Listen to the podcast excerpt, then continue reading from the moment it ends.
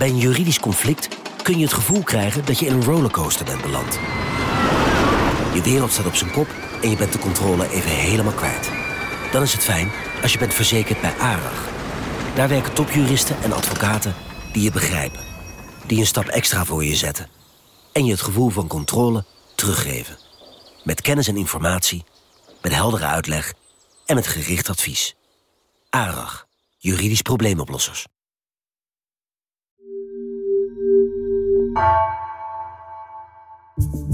Vanaf de redactie van NRC het verhaal van vandaag. Mijn naam is Misha Melita.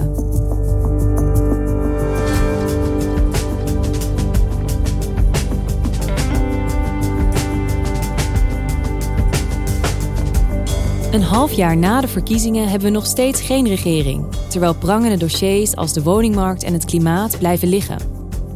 Vandaag begint informateur Johan Remkes, de derde alweer, aan nieuwe gesprekken in het moeizame formatieproces. Politiek redacteur Filip de Witwijnen legt de vinger op de zere plek.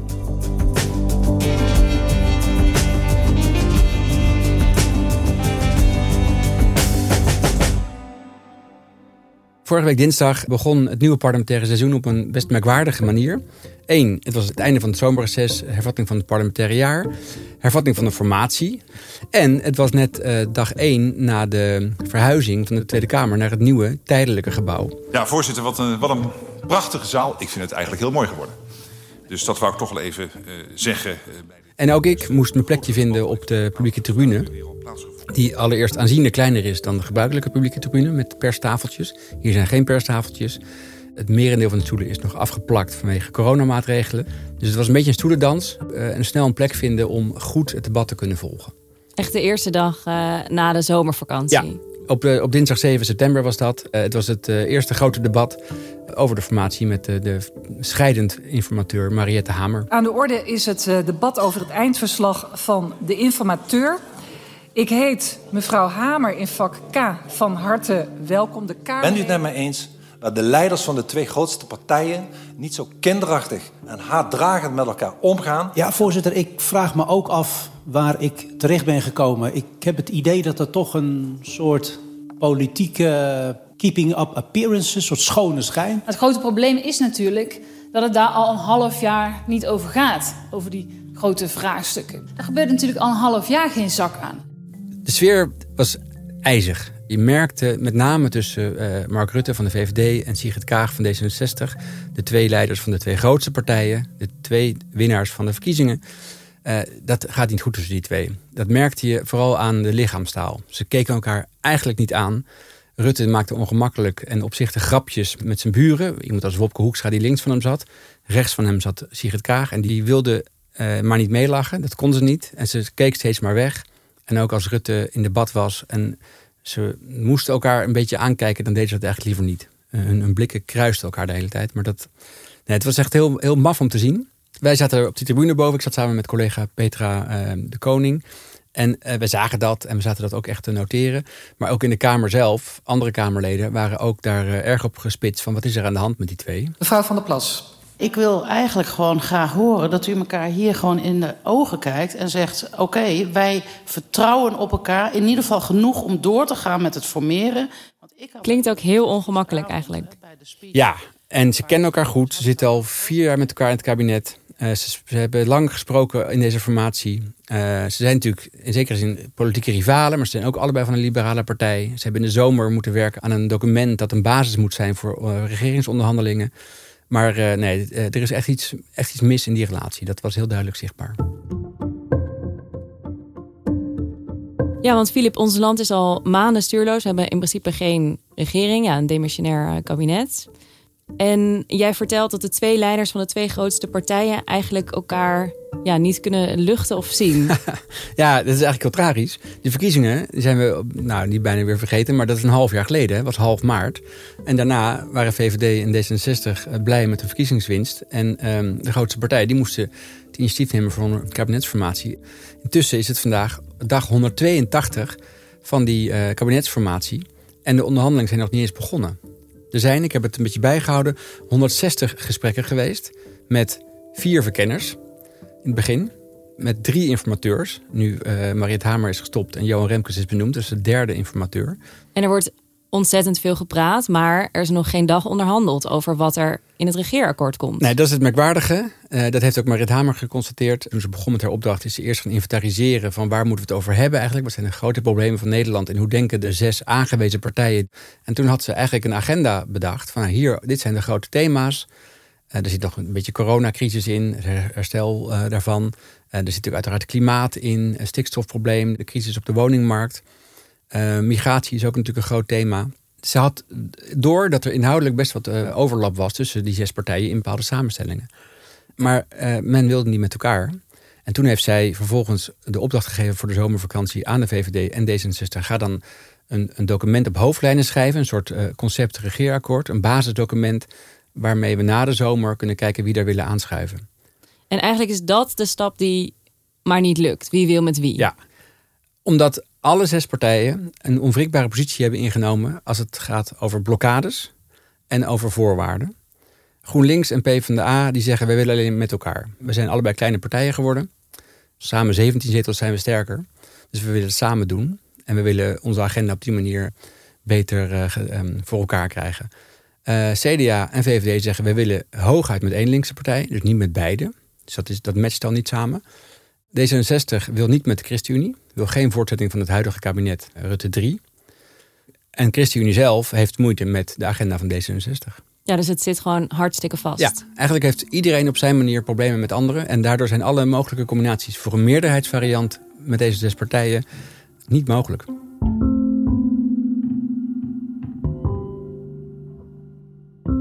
Ja, Mariette Hamer is eigenlijk toch vrij teleurgesteld is zij gestopt met haar functie. Maar ze had er eigenlijk heel veel vertrouwen in. En waarom lukt het dan toch niet? Wat denk jij? Daar heeft Hamer ook iets over gezegd en geschreven eh, bij haar uh, eindrapportage. Ze zei, heel veel gesprekken die we hebben gevoerd... moesten we eerst uh, de kranten erbij pakken... van wat er allemaal was gezegd in de media, de een tegen de ander. Vaak allemaal op anonieme basis via, via spindokters. En dat moest dan even weer worden uitgesproken. Dus ze zei eigenlijk, jullie moeten ophouden met katten met kinderachtig doen. Laten we nou gewoon eens naar de documenten kijken. Wat willen we? Pak dat uh, onderzoek van VVD en D66 erbij en laten we daar op basis daarvan verder praten. Maar ze bleven maar katten met elkaar. Afgelopen periode en zeker de laatste week heeft een wissel getrokken op de relaties tussen de zes partijen. En het is belangrijk dat dat snel tot nieuwe werkbare verhoudingen zal komen. Uiteindelijk zullen de partijen het toch samen moeten doen. Een oproep, uh, een verzoek aan alle betrokken deelnemers maar die werd heel slecht verstaan en gevolgd. Want die avond, maandagavond 6 september, uh, hield Sigrid Kaag van D66 de HJ schoollezing. Ik ben vereerd met de uitnodiging van Elsevier Weekblad om vanavond de 13e HJ schoollezing te mogen uitspreken. Deze lezing geldt als de traditionele start van het nieuwe politieke seizoen. En tradities geven zowel het persoonlijke als het publiek leven ritme, structuur en herkenbaarheid. En dat was een, een, groot verhaal, een groot meeslepend eh, visiestuk over hoe zij de wereld ziet. Tussen de regels door en eigenlijk toch vrij expliciet een behoorlijk harde aanval op, eh, op Mark Rutte. Dus van verzoening totaal geen sprake. Geen verzoenende toon waar Hamer om had gevraagd. Maar eigenlijk weer uh, nieuwe persoonlijke aanvallen. Zo zei ze bijvoorbeeld dat wij de nodige lessen hebben te leren als het gaat om medemenselijkheid, betrouwbaarheid, openheid en effectief bestuur. Dat geldt ook voor degene die om het hardst roepen hoe onwijs gaaf ons landje is. Veel te lang hebben we ons in de verdoving van zelfgenoegzaamheid collectief laten sussen door toch wel politieke bijziendheid. Nou, dat onwijs gave landje, weet iedereen, dat uh, is het stopwoordje van Mark Rutte. Leiderschap is voor mij dan ook het tegenovergestelde van regelen, ritselen zonder visie. Waar het visioen ontbreekt, verwildert het volk, staat geschreven in de spreuken. Nou, Rutte zegt dat het allergisch zijn voor visie. Dus hier bedoelt ze ook Rutte. Maar dat werkwoord ritselen, dat suggereert ook iets naars. Beetje achterkamertjes. Achterkamertjes, maar ook een beetje achterbaks. En een beetje, ja, een beetje bijna corrupt. Dus dat, dat vond ik een hele harde. Dit kwam ook wel aan uh, bij uh, de VVD. Alhoewel bij het debat op die dinsdag Rutte zich inhield. Kom op, meneer Rutte. Geef ons aan wat u vindt van die politieke aframmeling... die gisteren u gekregen heeft van mevrouw Kaag. Daar vind ik van alles van. Maar dat ga ik niet met u delen, meneer Wilders. En dat doe ik niet omdat elke minuut die ik daaraan zou besteden... ik niet kan besteden aan het oplossen van de grote vraagstukken van Nederland. Nou ja, dat suggereert dat het hem niet lekker zat. Want wat is haar tactiek geweest achter deze lezing? Heeft ze een groter plan hiermee gehad of haar team? Ja, daar uh, breekt uh, Haag het hoofd over. Zeker in deze fase van de formatie. Het moest worden hervat, er moesten dingen worden hersteld, er moest worden verzoend. En dan met zo'n verhaal komen. Uh, dat is echt de boel, nou, niet eens op scherp zetten, maar echt nog harder ehm, breken als het ware. Het kan zijn, dat is dan misschien de positieve ehm, gedachte. Kijk, Rutte is heel goed weggekomen. Al jaren zijn heel veel fouten gemaakt door het kabinet. Zeker met die toeslagenaffaire is hem zwaar aangerekend. Hij heeft zware debatten gehad. Zijn kabinet is gevallen. En in die uh, eerste weken van die formatie stond zijn betrouwbaarheid op het spel, zijn geloofwaardigheid. Hij, ja, hij had gelogen over of hij wel of niet over Pieter Omtzigt had gesproken met verkenners. Maar hij heeft het overleefd. En een maand later hadden we het niet meer over de betrouwbaarheid van Rutte, maar weer over het formeren. En Kaag heeft nu laten zien dat zij bereid is en in staat is om toch nog steeds Rutte af en toe een flinke duw te geven en een knauw te geven. Eh, waar anderen bijna lachend weer met hem eh, aan tafel willen zitten. En zij wil dat niet. Maar intussen hebben we geen regering, al 182 eh, dagen lang. En over een week is het Prinsjesdag en wordt de miljoenennota aangepresenteerd. Ja, en die, dat zal er gewoon zijn. Er komt een troonrede, er komt een begroting. kijk, de overheid geeft elk jaar gewoon ruim 300 miljard euro uit. En haalt als goed is ook ruim 300 miljard euro op. Dus het land draait gewoon door. Het kabinet Rutte 3 is sinds januari al demissionair. Maar intussen gebeurt er nog van alles. Ehm, we hebben de, de toeslagenaffaire eh, en de afwikkeling daarvan.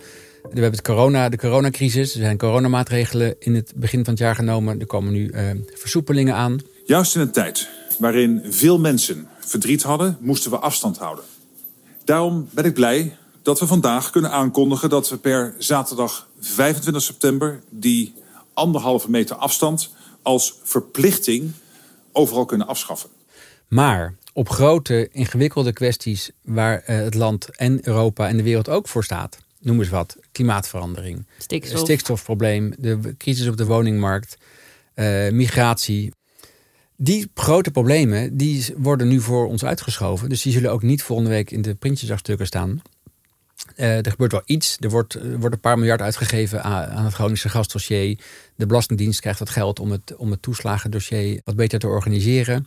Uh, er worden een paar klimaatmaatregelen genomen onder druk van die Urgenda-zaak. Daar heeft de rechter toch van gezegd: uh, het kabinet moet echt wat meer doen om die CO2-reductie um, te bevorderen.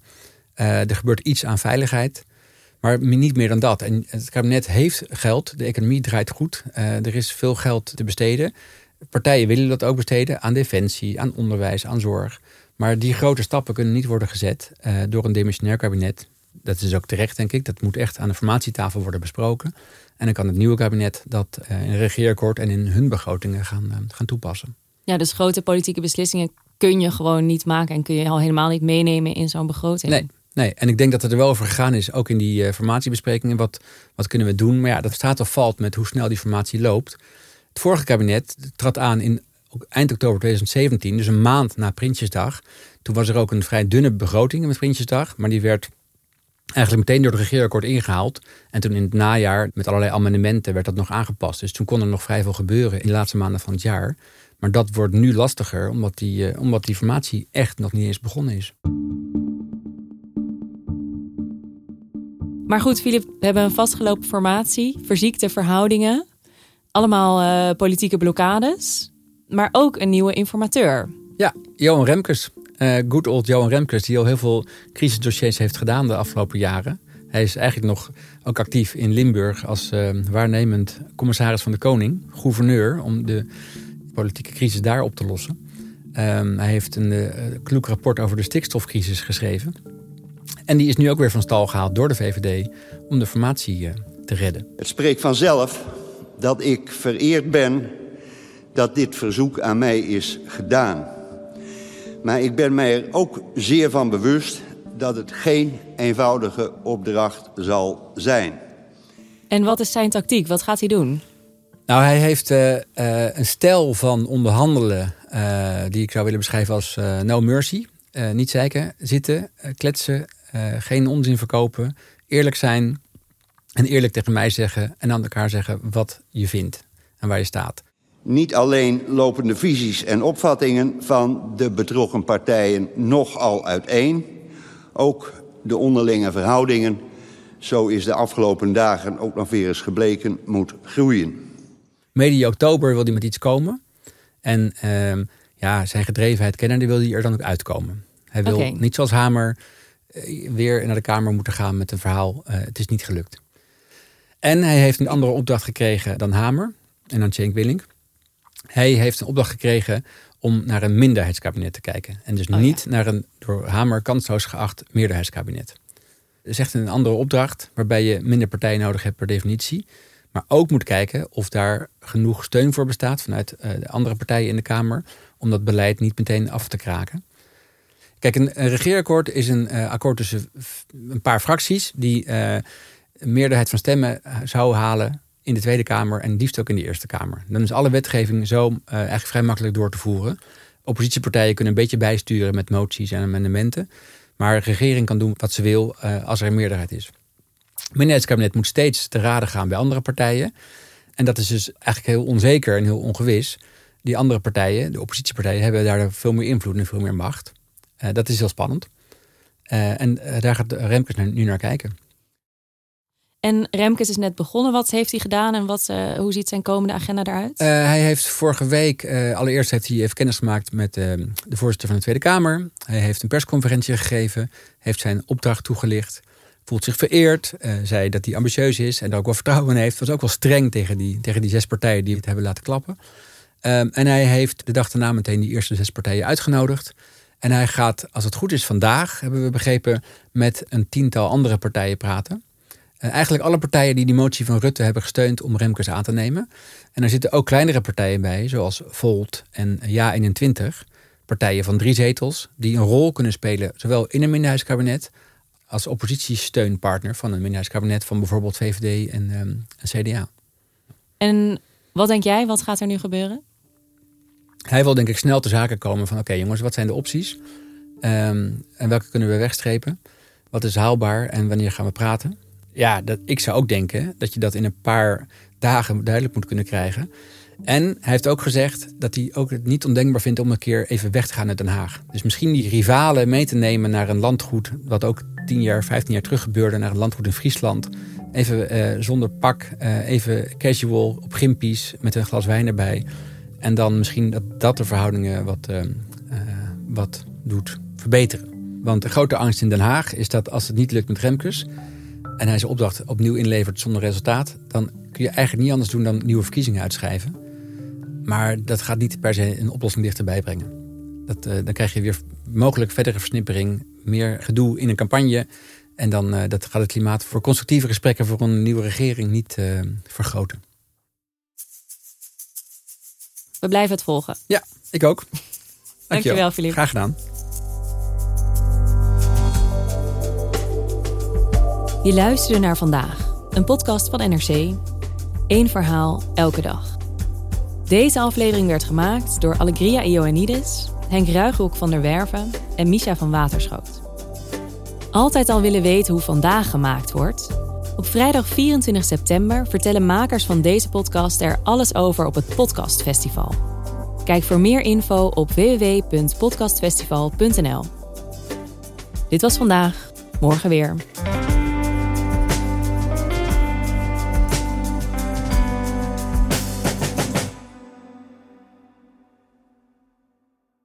Nieuw Aquarius Red Peach Zero Sugar. Met zijn heerlijke frisse persiksmaak zonder suiker draagt Aquarius bij tot jouw dagelijkse hydratatie en helpt zo mee om je vochtbalans op peil te houden tijdens alledaagse actieve momenten. Thuis, op het werk of onderweg. Ook verkrijgbaar in smaken lemon en orange. Probeer hem nu.